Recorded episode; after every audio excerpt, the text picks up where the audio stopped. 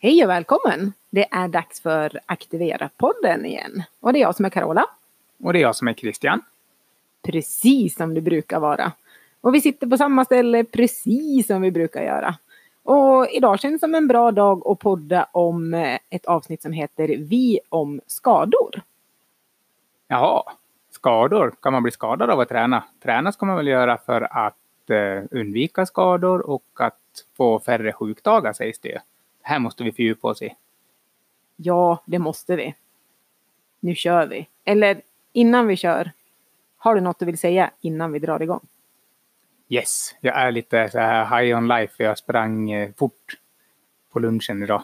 Sprang en kilometers intervaller och det springer sällan fort nu för tiden. Men det var väldigt trevligt. Så nu sitter jag så här lite glad i kroppen. Men det är bra att man blir glad av en kilometers intervaller. Det som de flesta kanske bara skulle tänka att men fy, pip. Jag hade inte riktigt farten som jag hade i fornstora dagar, men eh, upplevelsen var densamma, det kan jag lova dig, för ansträngdheten hade jag. Ja, ansträngdheten den har vi ju på olika nivåer. Det spelar egentligen ingen, ingen roll hur fort det går. För att jobbigt blir det ju. Nu är inte du uppe på den nivån som sagt. Nej, och det var en, en till kille som tränade samtidigt som jag och det, det lät nog som det gick väldigt fort för mig. Ja, det brukar kunna gå rätt fort för dig ibland.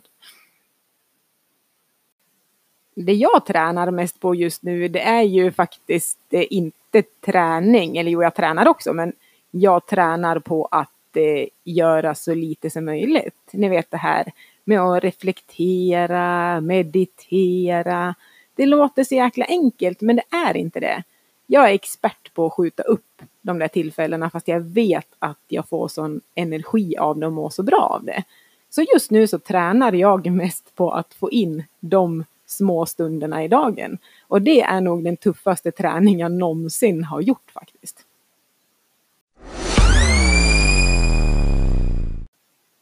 Medan Christian letar i sin telefon, han sa det att ja, jag tror jag har skrivit upp något smart här. Ja, han får leta så får vi se om han kommer med något smart snart. Eh, det här med skador, jag kan ju faktiskt börja då. då.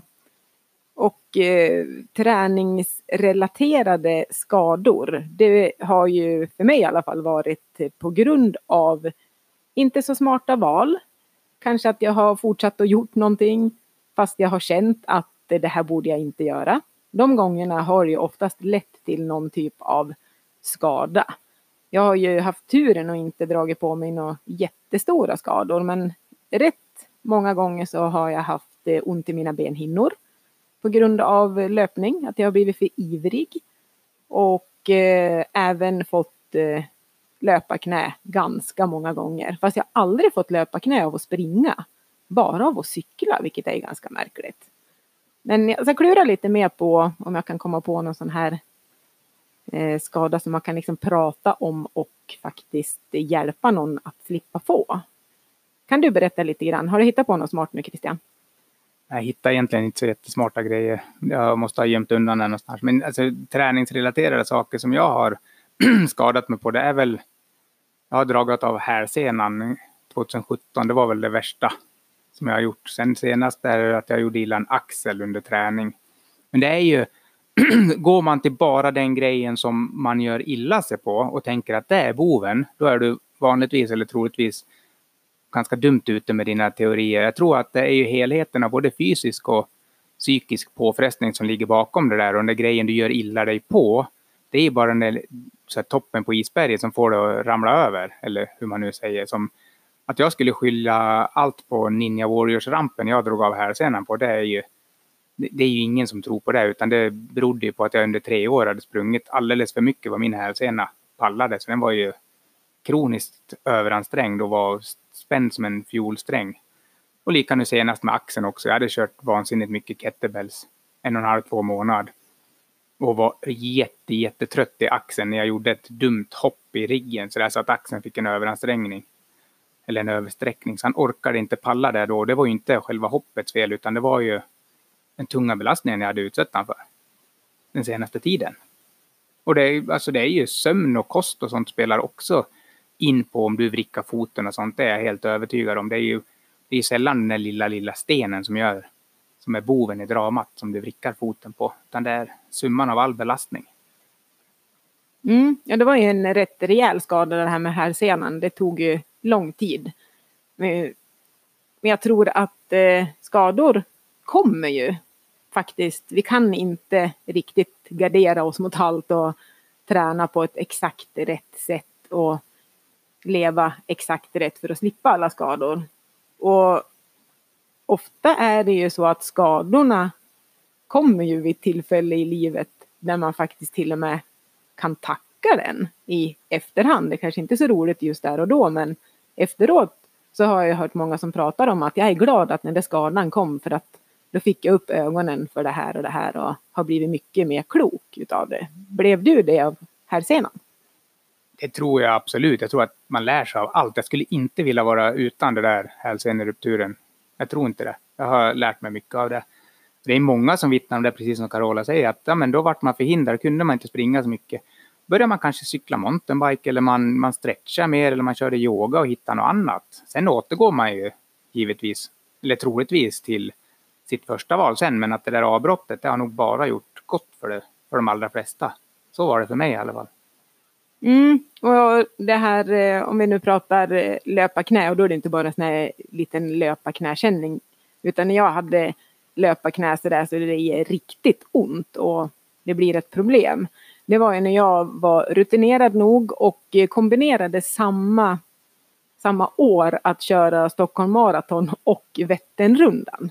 Just den kombon funkade inte för mitt knä. Det gick jättebra att springa men sen när jag väl skulle cykla då kom löparknät som ett brev på posten. Och då var det rejält. Så att då fick jag lära mig utav det. Så det tänker jag inte kombinera igen.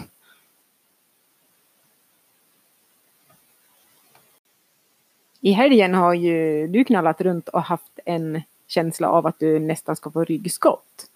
Och då blev jag påmind också för jag hade faktiskt ryggskott för första gången för eh, ungefär en månad sedan tror jag det var. Och det berodde ju inte på träning, tror jag i alla fall. Utan då berodde det nog mer på att jag hade varit för inaktiv. Att jag hade tagit min julledighet till att faktiskt eh, sova lite extra mycket, ligga ner och vila extra mycket. Ja, helt enkelt mer inaktiv än jag brukar vara och då fick jag ryggskott. Kan det vara så?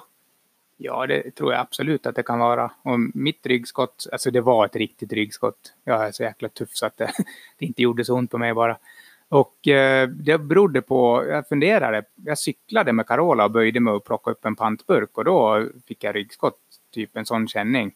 Och det beror ju inte på att det är jättefarligt att böja sig ner och plocka upp en burk. Det beror ju på, troligtvis berodde det på att jag under veckan har hållit på och spackla, slipa spackel och måla en vägg. Jag gör aldrig sånt här i vanliga fall, men nu gjorde jag i alla fall det. Så att, och med dålig teknik så tryckte jag rollen jätte, jättehårt mot väggen när jag målade. Carola tipsade mig om att så ska man inte göra. Men jag tror att det var den överansträngningen som gjorde så att mitt ryggskott kom som ett brev på posten någon dag senare. Mm. Så kan det vara. Så inaktivitet kan vara farligt och uh, rolla väggar kan vara superfarligt. ja, spännande. En återkommande skada som jag hade Eh, när jag sprang mer bara säsong, så där att jag sprang mest vår och sommar och höst och sen slutade jag under vintern. Då hade jag ofta problem med mina benhinnor på, på vårkanten. För att eh, jag sprang väl säkert för långt och så sprang jag gärna på asfalt då också. Och då fick jag ont i benhinnorna och det levde oftast kvar under hela löpsäsongen, vilket var ganska frustrerande. För att det är mycket vila som behövs, eller så finns det olika typer av knep, men det kan vi komma in på någon annan gång.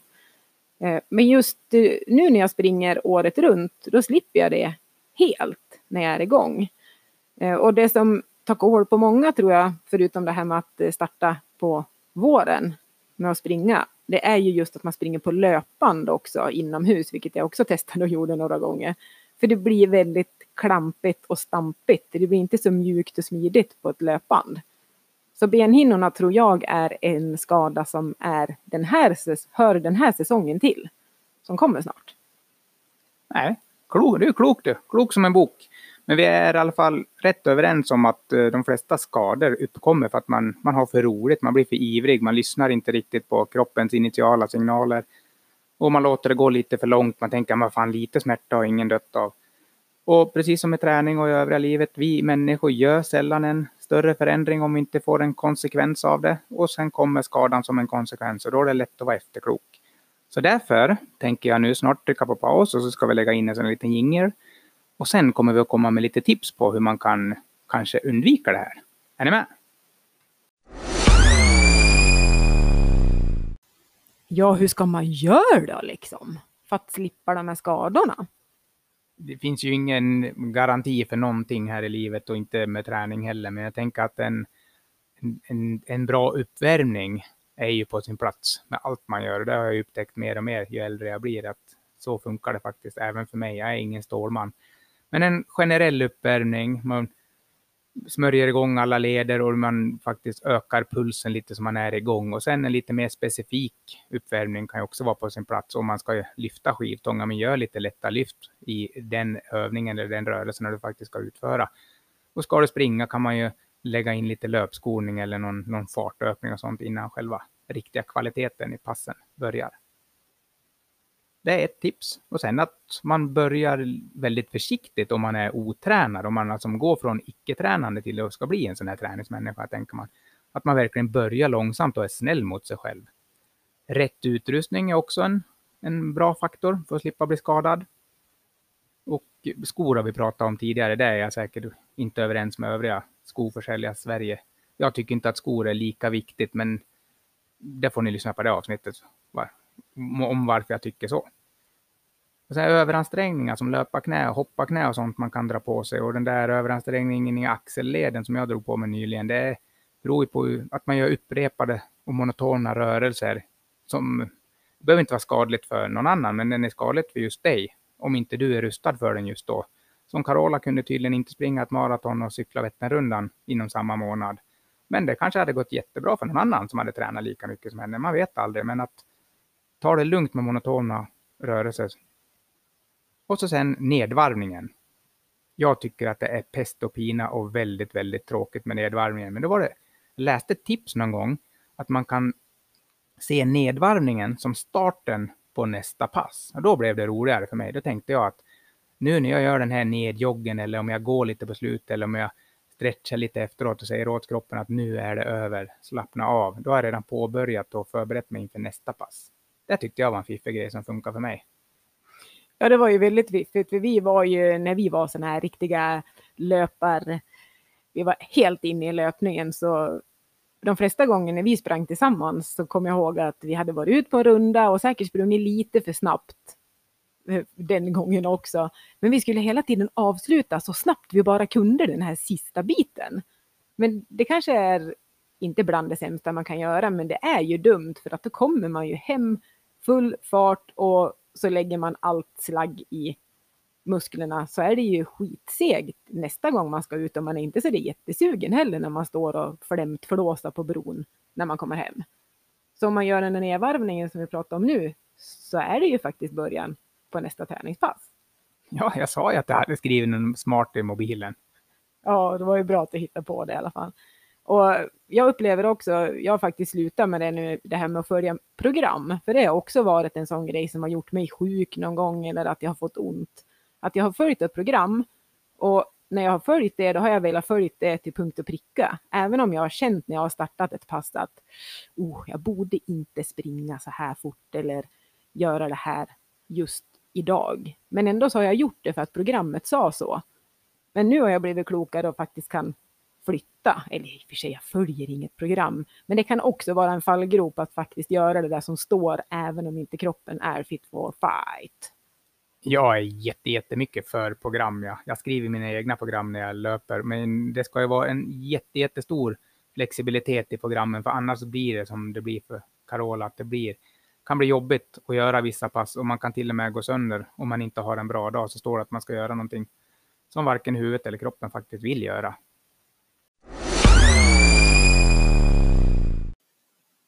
And now it's time for the hissning. Vi ska ju hissa också, tiden går fort idag. Eh, jag hade ingen hissning på gång och inte ens tänkt eh, tanken men eh, precis nu när vi pausade en stund så plingade in ett meddelande i vår bästa familjen Messenger-grupp. Och då var det Ella, dottern Ella som skrev. Så att jag tackar universum. Jag tar ju samarbete med universum lite då och då. Så att hon får ju bli den som jag vill hissa idag. För att hon har blivit så jäkla modig. Hon har blivit instruktör och kör numera mage-rumpa-pass i Aktivera fabriken. Så det tycker jag är värt att hissa. Det går fort när man börjar och våga gå utanför komfortzonen. Så hissa hissa! Jag håller med dig, fantastiskt. Heja heja Ella! Jag skulle vilja hissa folk som eh, vågar digga med i musik på offentliga platser. Jag provade lite idag men jag var inte så jättebekväm med det.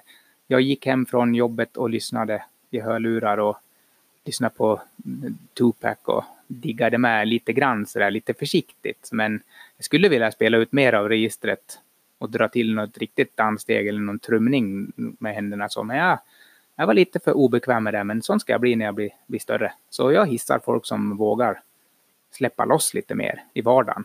Heja er! Så, jag säger i alla fall eh, tack och hej nu. Ja, då säger väl jag leverpastej då. Hej hej!